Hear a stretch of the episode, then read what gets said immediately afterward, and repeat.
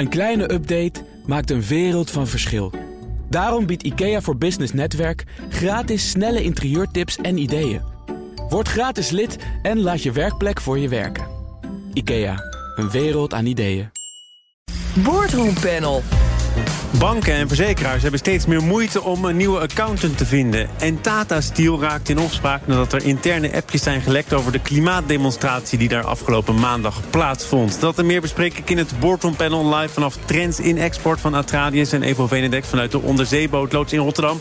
En ook in Rotterdam zijn Rob van Eijbergen, hoogleraar, hoogleraar integriteit aan de Vrije Universiteit in Amsterdam en organisatieadviseur. En Helene Vletter, hoogleraar financieel recht en governance aan de Erasmus Universiteit verbonden, ook commissaris bij NN Group en partner bij de bestuurskamer. Welkom, goed dat jullie er zijn. Dankjewel. Laten we maar eens beginnen bij de appjes eh, van Tata Steel. Raakt in opspraak nadat er eh, appjes zijn uitgelekt. Zijn gepubliceerd in het Noord-Hollands Dagblad... over de klimaatdemonstratie die afgelopen maandag bij de poort van Tata is gehouden. Het gaat om de actiegroep Kappen met Kolen, verwant aan Extinction Rebellion. Die uh, zouden op de grond gaan liggen bij een die-in als lijken. Um, wat is het laatste appje dat jullie hebben verstuurd... waarvan je denkt, het is maar goed dat niet in de krant is gekomen te staan, Rob? Nou, dan moet ik even diep... Toen kwaad was op mevrouw, volgens mij. Ja. Ja, ik heb ook wel wat dingen die, waarvan ik denk... nou, die moeten niet in de krant, zal ik maar ja. zeggen. Ja. Is, is dat nou ook een beetje precies wat er speelt? Je denkt toch, ik praat het niet meteen goed... ik ben hier aan het communiceren met collega's... mensen die ik ken, mensen van de werkvloer. En dat is natuurlijk ook niet bedoeld voor de krant... om maar eens die kant te kiezen. Ja, dit, dit gaat wel een stapje verder. Ik bedoel, natuurlijk, ik uh, vroeg allerlei vakantievermaandjes in fabrieken gehad. Dus ik begrijp wel dat daar een soort sfeer ontstaat. Maar om te zeggen, arbeid mag vrij en we hebben de ovens opgestoken... gaat net een stapje verder. Dus. Wat denk jij, Helene? Ja, ik vind, dit is een, een zakelijke uh, groep. Als ik... Uh, zakelijk app, dan hou ik altijd rekening met de mogelijkheid dat het eventueel een keertje um, op straat komt te liggen. Als ik uh, uit mijn slof schiet, dan is dat meestal in de familie-app. Uh, dus dat is toch een beetje anders. Nou, een van die opmerkingen is ook gemaakt door uh, Gerrit Idema. Dat is notabene de vicevoorzitter van de ondernemingsraad. Hij zei, gelijk de oven in, dan gaat het niet stinken. Uh, een man met een functie, een man die ook af en toe het bedrijf naar buiten vertegenwoordigt. Wat betekent dit voor, voor zijn positie? En dan gaat het niet per se om meneer Idema. Maar stel je voor, je hebt inderdaad zo'n positie. Je bent toch iets uh, meer het boegbeeld van het bedrijf. En dan zo'n uitlating doen, uh, Helene? Ja, het is niet handig. Daar kunnen we het allemaal over eens zijn. Um, ik denk wel, en, en hij heeft onmiddellijk ook zijn excuses aangeboden. Ik denk wel dat je je moet afvragen. Uh, voor mij is het breder.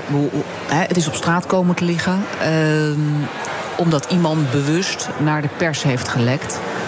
En uh, het feit dat dat gebeurt, in plaats van dat er uh, in die appgroep wordt gezegd van, weet je, uh, en hij, hij heeft een opmerking gemaakt, maar er waren er vele anderen. In plaats dat iemand zegt van, weet je, leuk grapjes, maar gaat dit niet te ver? Daar zou een corrigerend vermogen Daar zou een corrigerend vermogen binnen die groep moeten zijn. Dus daar maak ik me meer zorgen over. Hoogleraar integriteit, ik zeg ja. toch nog maar eens. Heel goed. Uh, nou, hij is teruggekozen door zijn achterban. Dus dan, het is aan hen om te bepalen wat er verder moet gebeuren. Maar ik ben het wel met Helene eens. Ja, er is iets aan de hand in dat bedrijf dat, dit, dat er geen tegenkracht is. Ik bedoel, extreem opmerken kan gebeuren. Man hoeft niet ontslagen te worden, wat mij betreft. Maar de, de leiding heeft dan een opgave om iets te doen aan die cultuur. En wat ik op zich ook curieus, ja, curieus nu je dat zegt, dan denk ik meteen, nou, dan ja. komt er een cultuurprogramma. Nou, dat denk ik niet, maar gewoon mensen aanspreken, voorbeeldgedrag. Maar wat ik wel bijzonder vind, heel veel van die werknemers zijn ook omwonenden van die fabriek. En we weten uit allerlei rapporten dat daar een verhoogde kans is dat je ernstig ziek wordt. Dus dat vind ik wel een bijzondere dynamiek wat daar ook nog speelt. Ja. Maar je zegt toch nog even terugkomend op het ja. organisatievraagstuk... mensen moeten elkaar dan maar gaan aanspreken op gedrag.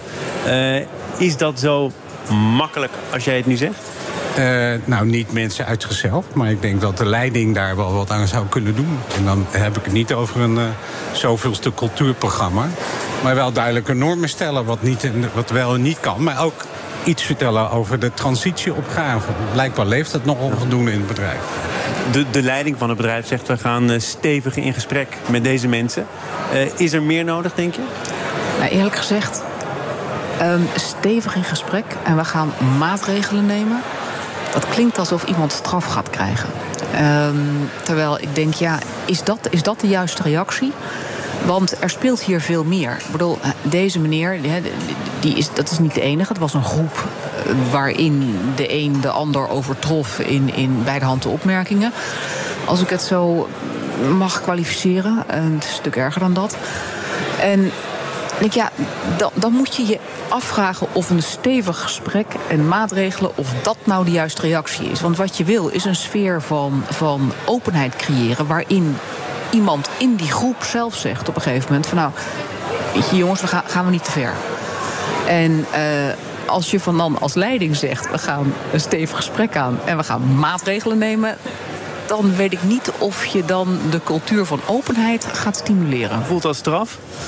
Ik straf vind ik geen goed idee, maar ik vind een stevig gesprek, ik noem dat een normoverdragend gesprek, dat je dingen begrenst. En begrenzen is arbeid mag vrij, dat soort opmerkingen, kan je gewoon niet maken, vind ik. Dus, ja, nee, tuurlijk. Nee, dus daar, daar, moet je, nee, maar daar moet je echt iets van zeggen. Ja. En het hoeven niet ontslagen te worden, maar wel ja. heel duidelijk aangesproken worden op hun gedrag. Dat Overigens zegt uh, Tata Steel, wij hebben, uh, als je het helemaal af zou pellen, hetzelfde doel als uh, de actiegroep Kappen met Kolen. Alleen willen zij het misschien wat sneller dan wij het voor elkaar kunnen krijgen. Ja, dat hoor ik wel van meer CEO's in deze hele discussie over Oh, je wordt er een beetje moe van, zie ik. Ja, ik word een beetje moe van. Maar is het wel een gepaste reactie? Namelijk om toch te streven naar wat je dan samenbrengt? Of, uh...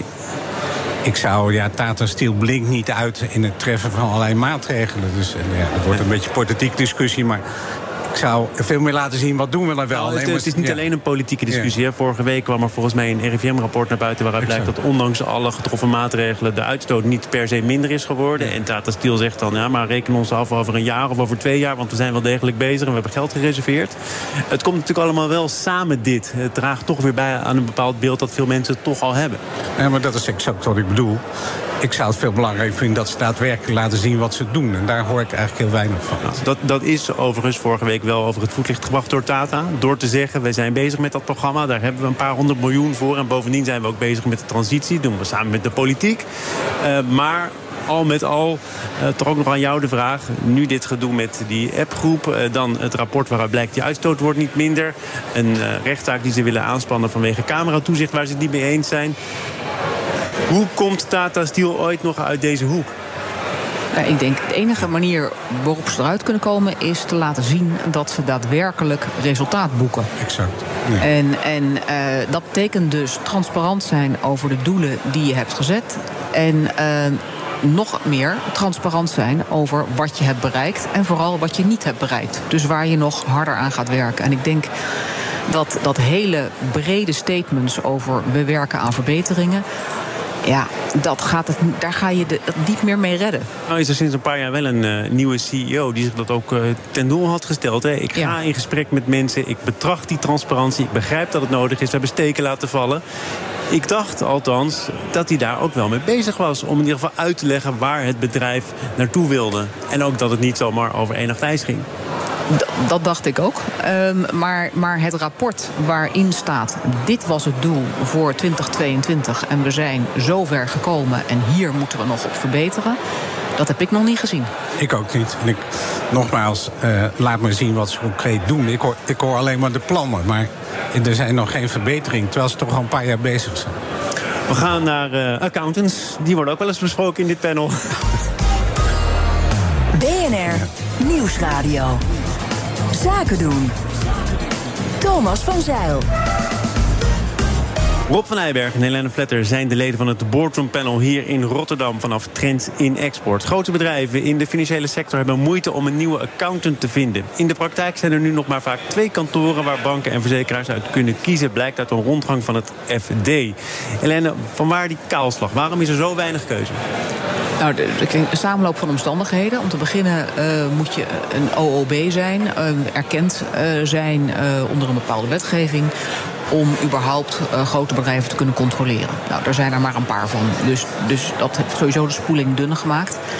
En ten tweede, het controleren van een bank een verzekeraar... Uh, ik zit daar bij eentje in de Raad van Commissarissen... dat is niet eenvoudig.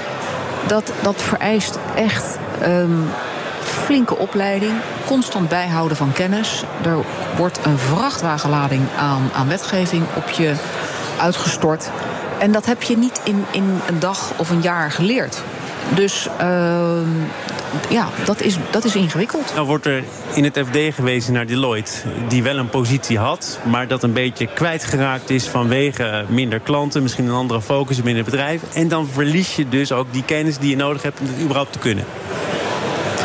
Kennelijk, dat, dat, dat neem ik aan. Ik denk dat Deloitte, wat ik zie, is dat ze nog wel degelijk meedingen naar, uh, naar voorstellen. Dus voorstellen doen. Ook in het FD ja, dat ze voorstellen doen uh, in de financiële sector. Ehm, kennelijk worden ze minder vaak benoemd. Um, wat daar precies de reden van is, dat heb ik niet kunnen achterhalen. Dat is dan toch ook een, een kip-ei verhaal. Op het moment dat je niet wordt benoemd, uh, kun je die kennis niet onderhouden. Uh, ben je niet helemaal up-to-date meer wellicht. En raak je steeds verder achterop. Dat is de vraag. Uh, kijk, nou, je kunt op jou, dan mag ja, jij niet nee. nee, maar het is natuurlijk zo dat als je echt, als je echt die mandaten wil dan kun je daar echt in investeren. En op een gegeven moment gaat het natuurlijk om dat he, bedrijven hebben vaak een probleem dat ze een bepaald accountantskantoor die levert ook consultancydiensten. Dus je hebt al eerder heb je een, een, uh, belangentegenstelling. Dus als daar een derde goede partij zich meldt en zegt: ik wil wel die controleopdracht van jou hebben. En het zijn goede mensen, dan weet ik zeker dat, uh, dat ze een eind komen in zo'n proces. Nou ja, om, om, het nog erg. De verwachting is dat het nog erger wordt. Oh, je gaat het nog erger maken. Oké. Okay. Uh, omdat er ook over niet-financiële uh, gegevens gerapporteerd moet worden. Dus over ja. sustainability government, meer jouw vakgebied. Uh, wat nog meer gaat vragen van de mensen. Dat is één ding. Ik denk dat het van de klanten vraagt, of van de opdrachtgevers vraagt, dat ze ja, heel bewust kiezen. En ook kijken, belastingadvies. Misschien hoef je dat niet bij een groot kantoor te doen. Als je dat doet, wat Helena net zegt, dan kan je die niet meer als, uh, als nieuwe account Ja, de, de AFM wijst ja. daar ook op. Hè. Op het ja. moment dat jij al langjarige contracten afsluit met kantoren om je te adviseren, weet je dus ook dat je diegene dan uitschakelt, niet meer mee, mee, kan doen voor het uh, doen van die controle. Dus Vind je ook dat er een, een verantwoordelijkheid ligt bij die bedrijven om dat allemaal in ogenschouw te nemen? Ik vind zeker dat daar verantwoordelijkheid ligt. Maar ik denk ook dat de sector misschien wat beter bij elkaar moet zien. En kan natuurlijk al niet volgens de wetgeving. Maar misschien moet je, als het zo'n schaarste is, wel de markt een beetje verdelen met elkaar. Als uh, in overleg met de, de toezicht. Hier worden die dingen gezegd. Helene. Ja, kijk, ik, ik denk, kijk, de AFM moet hier natuurlijk ook bij betrokken zijn. En die is hierbij betrokken. En ook de NBA. Dat is de brancheorganisatie. Dat is de brancheorganisatie. Ja, uh, kijk, als de NBA en AFM en een paar grote marktpartijen uh, gewoon eens een overleg gaan en zeggen: Weet je, hoe kunnen we dit probleem oplossen? En uh, voor de goede orde, uh, het, het, het, artikel in het FD signaleert een probleem in de financiële, bij financiële bedrijven, banken en verzekeraars. Um, zo ontzettend veel hebben we die nou ook weer niet in, uh, in Nederland. Uh, het is niet alsof er uh, 45 beursgenoteerde grote banken en verzekeraars Kunnen we ook een discussie over voeren? Of dat niet er wat meer zouden moeten worden. Maar goed, dat is een, dat is een ander, dat is een ander onderwerp. Nee. Klopt. Maar ja. zoals jij het net presenteerde... Hè, jij zit bij NN in de Raad van Commissarissen... zou ik ook wel twee keer nadenken voordat ik me daar als accountant dan zou committeren. Want je zegt eigenlijk, het is een helse klus. Het is een helse klus waar je goed voor betaald wordt. Oh, dat wel. En, um, ja. en uh, um, bedoel, het, het zijn mensen die van hun vak houden. Laten we wel wezen. Bedoel, je doet dit omdat je gewoon hierin geïnteresseerd bent. En omdat je het gewoon een hele mooie baan vindt. Maar houden die uh, grote firma's nog wel voldoende van uh, dat edele vak? Want die moeten ook kiezen vaak tussen adviseren, consultancy of accounting. En volgens mij helpt het een beetje over naar doe maar het adviseren. Nou, dat weet ik niet. Ik, ik wil, als ik kijk naar, naar de uh, bedrijven waar, waar, waar ik bij, zit, heb gezeten en uh, in contact mee ben, dan uh, eens in zoveel tijd moet je dan weer een, we zeggen, op zoek naar een nieuwe accountant. En tot nu toe zijn er altijd voldoende partijen die inschrijven op zo'n potentieel nieuwe opdracht. Dus ik weet niet of de soep zo heet gegeten wordt als die wordt opgediend. Nou ja, wat ik nog wil toevoegen. Waar je, ik, een van mijn nevenfuncties is dat ik in de tuchtcommissie van de financiële sector zit. Je zou ook wel eens kunnen kijken naar de complexiteit, laten we zeggen, van de, uh, het toezichtkader. Dat, er komen steeds meer bij of dat nou zo effectief is. Dat maakt het werk. Wil, wil je dat iets nader toelichten? Nou, simpel. Er worden zeker aan financiële instelling zoveel dingen gevraagd. Uh, om, uh, waar mensen, waar, waar bedrijven zeggen moeten houden.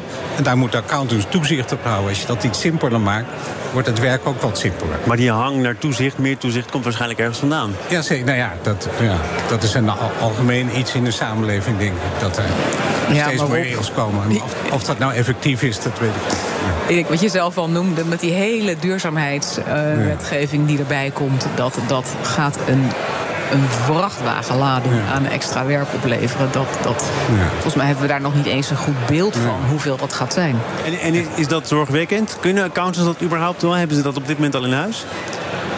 Ik weet dat accountants als een gek aan het opleiden zijn en mensen aan het aannemen zijn. Dus als je jouw vraag is, hebben ze op dit moment in huis? Het antwoord nee. nee. Ehm, ze gaan er van alles aan doen om te zorgen dat ze het zo snel mogelijk in huis ja, hebben. Ja, maar dan kom ik terug op wat ik al jaren lees. Namelijk, wie wil er nog accountant worden? En uh, steeds meer regelgeving, dus niet aantrekkelijk. Oh ja, overigens, de vergrijzing gaat ook niet aan het accountancyvak voorbij. Nou, dat weet ik. Dat geldt voor meer sectoren. Ik zie hele enthousiaste accountants nog steeds. Ja, nee. welke, die, welke bubbel kom je dan? Nee, maar die echt houden van hun vak. Dus dat, uh, maar de, het, het, feit dat er een tekort zou zijn en dat het niet aantrekkelijk is... en dat er uh, onvoldoende mensen zich aanmelden bij opleidingen... dat komt toch ook ergens vandaan? Nee, maar dat zie je in heel veel sectoren. sectoren. Er is natuurlijk gewoon tekort aan überhaupt uh, een, ja. een heleboel gekwalificeerde mensen. En dat, dit is een van de sectoren. Ik, ik, denk dat, dat met het uh, economisch tij wat toch wat wankel uh, aan het worden is. Um, en alle, uh, alle inzet die er wordt gepleegd om, om het wel aantrekkelijk te maken voor jonge accountants, denk ik. Dat we niet heel somber Maar als je als accountant een foutje maakt, dan moet Barbara hangen natuurlijk. Ja. Ja, maar dat geldt niet alleen voor accountants, Dat geldt ook voor artsen, advocaten. Ja, ja. ja. Maar ik kan jullie wel volstrekt verkeerd afkondigen... en dan sta ik hier morgen toch. Nee, dat is, nou, dan val je misschien met de fiets. Maar nee. We gaan naar het laatste onderwerp. Bedrijven zijn sinds 1 april verplicht om drankblikjes... van een statiegeldlogo te voorzien. Maar Heineken en Gols lijken die regel te negeren... en willen nog nieuwe blikjes zonder statiegeld produceren. Het kabinet hoopt dat de inspectie Leefomgeving en Transport... de ILT, de bierbrouwerijen, een flinke boete zal geven. En nou is het Helene, dat het invoeren van deze regeling... dat statiegeld op blikjes, is al uitgesteld. En toch zeggen Heineken vooral en Grols... we kunnen dit, niet in één keer doen. Hier hebben we tijd voor nodig. Wat is hier misgegaan? Ja, het is interessant, want ik keek op de website van Heineken. En uh, als je daar klikt, dan staat er uh, de, de, de regel statiegeld uh, op blikjes is ingevoerd per 1 april. En moet aan het volgende voldoen.